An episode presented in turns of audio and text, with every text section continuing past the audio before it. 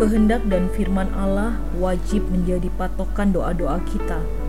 Semua doa kita diikat dengan aturan-aturan, janji-janji, dan nubuat-nubuat ilahi.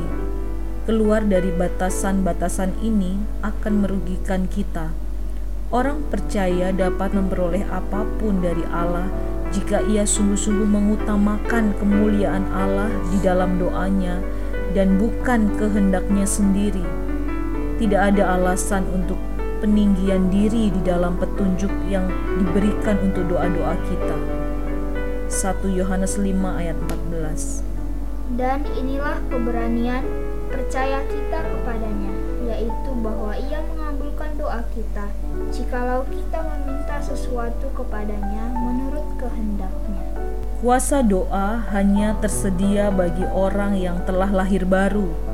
Jika anak-anak kita berteriak minta tolong di dalam kesulitan mereka, kita akan segera menolong mereka. Relasi kita sebagai anak-anak Allah akan menguatkan harapan kita bahwa doa kita akan didengarnya. Kita wajib mendekat kepada Allah dengan kerendahan hati. Bawahan raja menyodorkan permohonan kepada raja dengan berlutut. Tujuan khusus berdoa adalah untuk meninggikan Allah. Orang yang berdoa dengan kesombongan mengerdilkan tujuan Allah di dalam pengaturannya. Para pengemis yang hidup bergantung sepenuhnya dari pemberian orang tidak punya alasan untuk sombong.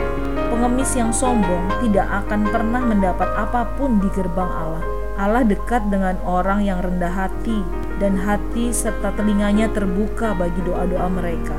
Kita juga seharusnya berdoa dengan hati karena Allah menghargai doa demikian lebih dari apa pun.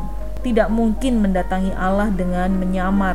Doa tanpa hati adalah penistaan, bukan korban bakaran. Apabila hati adalah sang pemimpin paduan suara, maka suara nyanyiannya menyenangkan di dalam pendengaran Allah. Allah dekat dengan orang yang berseru kepadanya di dalam kebenaran. Apabila Anda berdoa dari hati, Allah berkenan mengaruniakan anugerah dan kebaikannya untuk mengampuni dan mengabaikan atau menutup mata terhadap banyak ketidaksempurnaan dalam pelaksanaan tugas Anda. Carilah Allah dengan sungguh-sungguh, bukan ukuran panjang tangan Anda yang menentukan kekuatan tangan untuk bertahan. Kesungguhan bagaikan sayap burung yang mampu terbang tinggi ke langit. Yakobus 5 ayat 16 Karena itu hendaklah kamu saling mengaku dosamu dan saling mendoakan supaya kamu sembuh. Doa orang yang benar bila dengan yakin didoakan sangat besar kuasanya.